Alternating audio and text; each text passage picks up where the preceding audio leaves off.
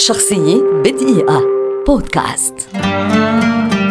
علاء ولي الدين ممثل مصري شهير ولد عام 1963 ويعد واحدا من أبرز نجوم الكوميديا في السينما المصرية والعربية خاصة فترة التسعينات من القرن الماضي. اتجه إلى التمثيل وبرز في بداياته من خلال أدوار ثانوية في أفلام للزعيم عادل إمام قبل أن ينطلق بعد ذلك ليلعب أدوار البطولة في عدة أفلام.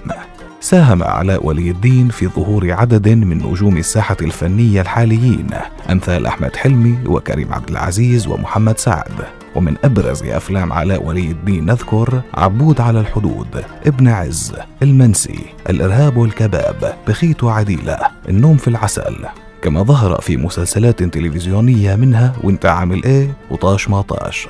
في الحادي عشر من فبراير عام 2003 رحل علاء ولي الدين في عز الشباب عن عمر نهز 39 عاما إثر مضاعفات مرض السكري الذي عانى منه طويلا قبل أن يكمل تصوير فيلمه عربي تعريفا. شخصية بدقيقة. بودكاست.